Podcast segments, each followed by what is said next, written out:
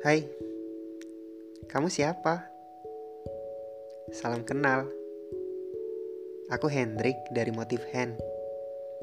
Di podcast ini, aku ingin berbagi sama kamu. Iya, sama kamu.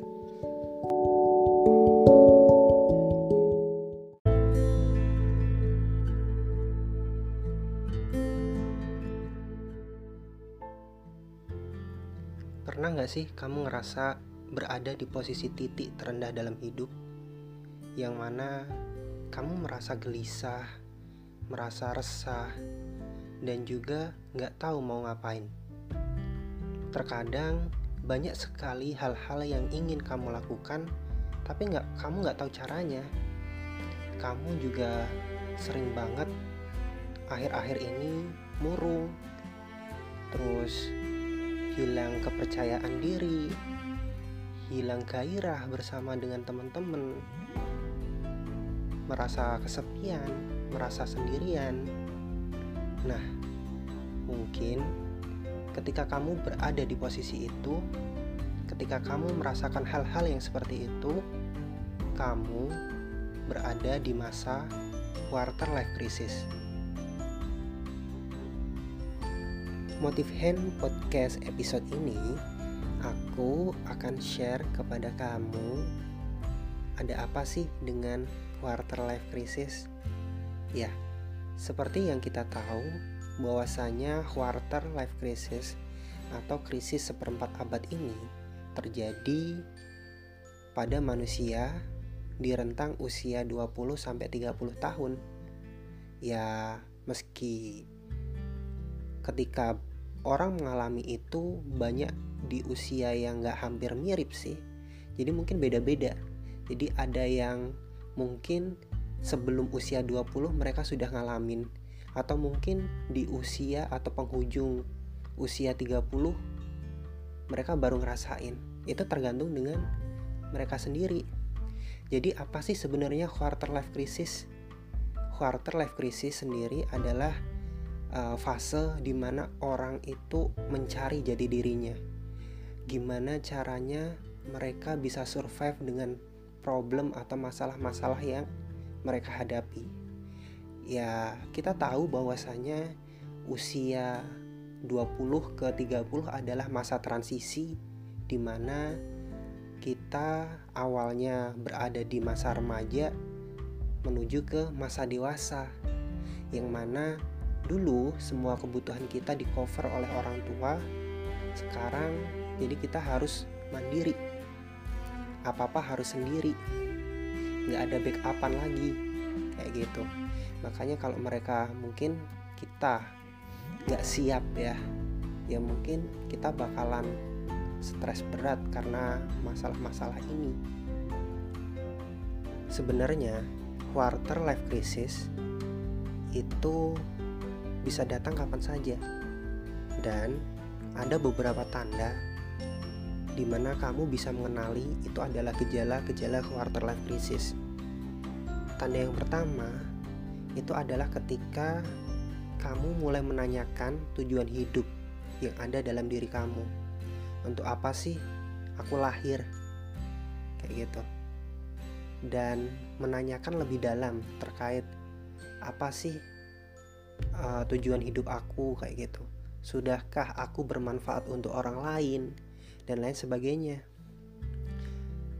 Hal-hal yang semacam itu didasari karena kamu sendiri belum mengenali diri kamu secara utuh. Dari mulai kekurangan kamu kelebihan kamu apa yang kamu suka apa yang kamu nggak suka.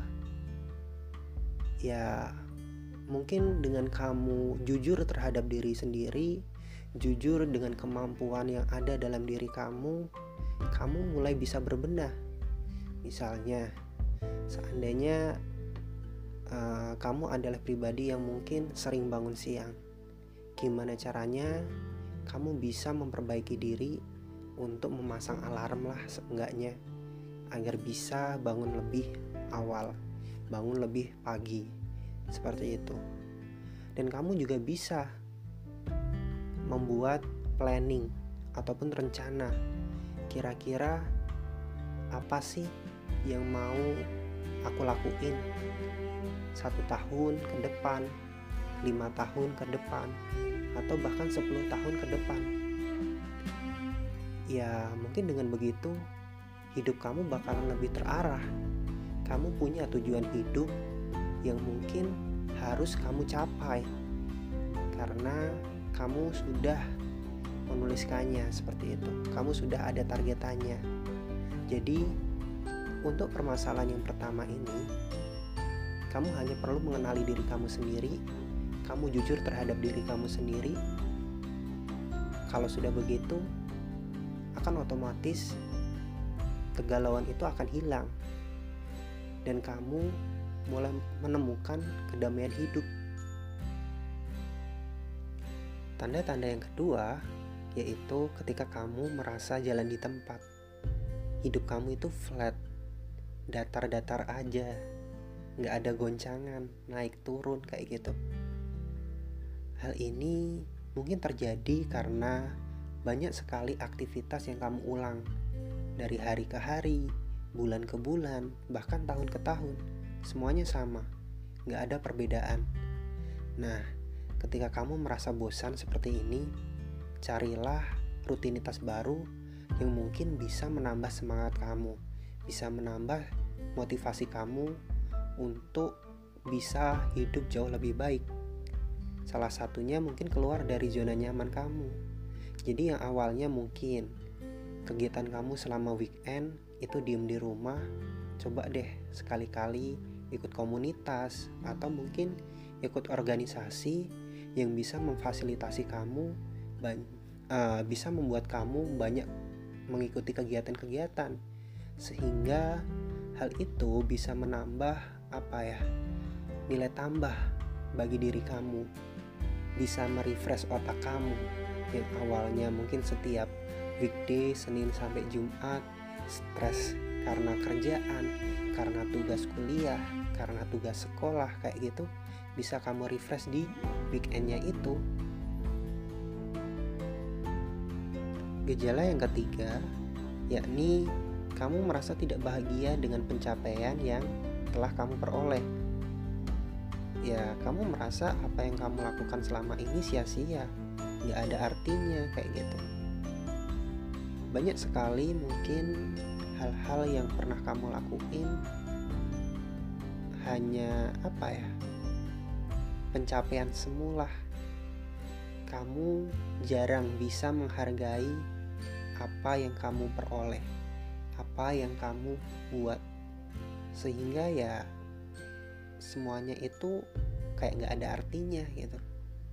Padahal mungkin kalau kamu lebih bersyukur dengan apa yang kamu miliki sekarang, kamu akan jauh lebih bahagia karena mungkin kebahagiaan baru bisa dirasakan ketika kita melihat uh, banyak sekali orang yang berada di bawah kita. Di era seperti sekarang ini yang serba online, semua nampak seperti nyata. Dan terkadang secara nggak sadar itu membuat diri kita itu tertekan dengan lingkungan yang ada. Kadang banyak sekali dari kita membanding-bandingkan kehidupan dengan orang-orang sekitar yang ada di lingkungan kita. Entah itu saudara, kerabat, teman, ataupun tetangga. Banyak dari kita ngerasa, waduh, tanggaku udah punya rumah nih. Aku bisa nggak ya punya rumah? Aduh, tetanggaku mobilnya baru nih. Aku bisa nggak sih punya mobil? Wah temanku baru saja traveling ke luar negeri. Aku bisa nggak ya kayak mereka? Jadi apa ya? Banyak sekali perbandingan-perbandingan yang mungkin nggak sengaja kita lakuin yang akhirnya membuat diri kita stres kayak gitu. Hal ini juga sebenarnya nggak apa ya bukan berasal dari diri kita juga sih.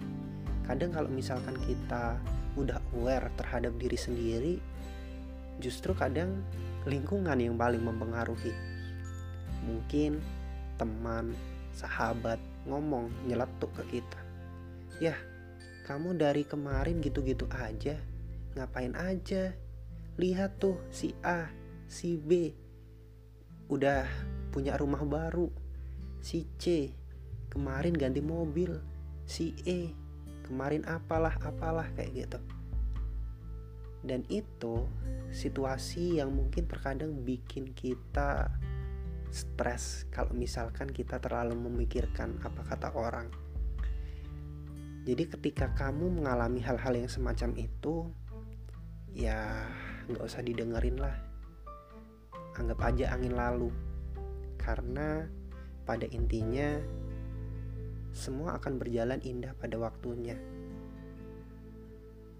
Targetan nggak apa-apa, kamu bikin targetan, atau mungkin kamu bikin apa ya, sesuatu yang mungkin bisa membuat kamu termotivasi akan hal itu. Tapi kalau misalkan uh, apa yang dilakukan tetanggamu itu membuat kamu stres ya mending dihindari. Tapi kalau misalkan membuat diri kamu jadi lebih termotivasi untuk beli mobil baru untuk beli rumah baru kayak gitu sih nggak masalah gitu. Jadi intinya uh, tetap apa ya jaga diri sendirilah dari lingkungan-lingkungan yang mungkin kurang baik Nah, yang terakhir ini mungkin yang sering banget uh, dialami banyak orang ya ketika menginjak usia 20 ke 30 yaitu galau perihal jodoh. Ya, mungkin kita tahu bahwasanya di usia segitu adalah usia yang paling pas, paling pas untuk memulai hidup baru, punya pasangan baru, membina keluarga baru. Nanti terus punya anak kayak gitu. Itu adalah salah satu impian manusia sih. Ya nggak semua manusia makhluk hidup yang lainnya juga butuh untuk berkembang biak gitu. Dan at least kalau misalkan kita berada di posisi itu banyak sekali teman-teman kita yang udah nikah atau mungkin kerabat kita saudara kita yang udah nikah kita jadi galau sendiri. Waduh kapan nih uh, aku ke kondangan bawa pasangan kayak gitu. Masa sendiri terus? Dan yang apa ya paling ngenesnya nih mungkin yang pernah dirasakan ketika kita punya teman deket ya. Kita selalu nemplok ke mana pun dia pergi. Dan ketika dia teman deket kita itu udah nikah gitu akhirnya kita sendirian gitu. Wah temanku udah nikah. Terus aku ke kondangan sama siapa? Nah itu yang juga jadi kegalauan di masa-masa uh, quarter life crisis ini. Jadi sebenarnya gini uh, jika kamu mengalami hal itu coba deh kamu pikirin bahwasanya ya jodoh memang di tangan Tuhan gitu tapi kamu juga udah uh, kamu juga harus ikhtiar untuk bisa ngedapetin itu usahalah mungkin tanya-tanya ke saudara, ke teman, ke tetangga, eh punya kenalan nggak? Siapa tahu cocok untuk aku kayak gitu. Dari situ mungkin bakalan ketemu jodohmu. Atau kalau misalkan belum ketemu ya sabar aja. Karena udah ada kok. Insya Allah udah ada. Tinggal mungkin waktu aja, waktunya aja yang belum cocok waktunya aja yang belum pas kayak gitu jadi ya kamu nyantai aja gitu karena kita nggak tahu mungkin dengan kamu dikasih cobaan lama jodohnya gitu kamu jadi lebih berpikir lebih banyakin ilmu terkait apa ya ilmu pernikahan ilmu parenting nanti ketika kamu punya anak kayak gitu. Ya banyakin ilmu-ilmu itu dulu lah. Sehingga nanti kalau misalkan jodoh kamu udah datang kamu udah siap gitu. Kamu nggak kebingungan bakalan ngapain nih jadi nyantai aja sih kalau menurut aku. Slow aja. Ya kalau misalkan kamu lebaran kamu ditanya kok jodohnya belum ada? Udah nggak usah jawab diem aja. Atau mungkin kalau misalkan kamu nggak siap ditanya kayak gitu ya mending masuk kamar aja. Pintu kuncinya rapat-rapat. Anggap aja angin lalu. Nah itu tadi beberapa gejala tanda-tanda kamu mengalami quarter life crisis. Kira-kira dari lima tanda tersebut, adakah yang kamu rasakan saat ini? Kalau misalkan belum, ya tunggu aja. Barangkali esok atau lusa kamu bisa mengalaminya. Atau mungkin kalau sudah terjadi, ya belajarlah dari kesalahan-kesalahan yang mungkin dulu pernah kamu lakuin kayak gitu sih uh, mungkin untuk episode ini cukup sampai di sini aja ya karena uh, kita akan bahas masalah-masalah lain di podcast selanjutnya akhir kata dari aku hanya karena itu belum terjadi bukan berarti itu tidak akan pernah terjadi jadi, teruslah berjuang. Sekian dari aku. Sampai jumpa di podcast selanjutnya. Bye bye. Makasih udah ngedengerin. Ya.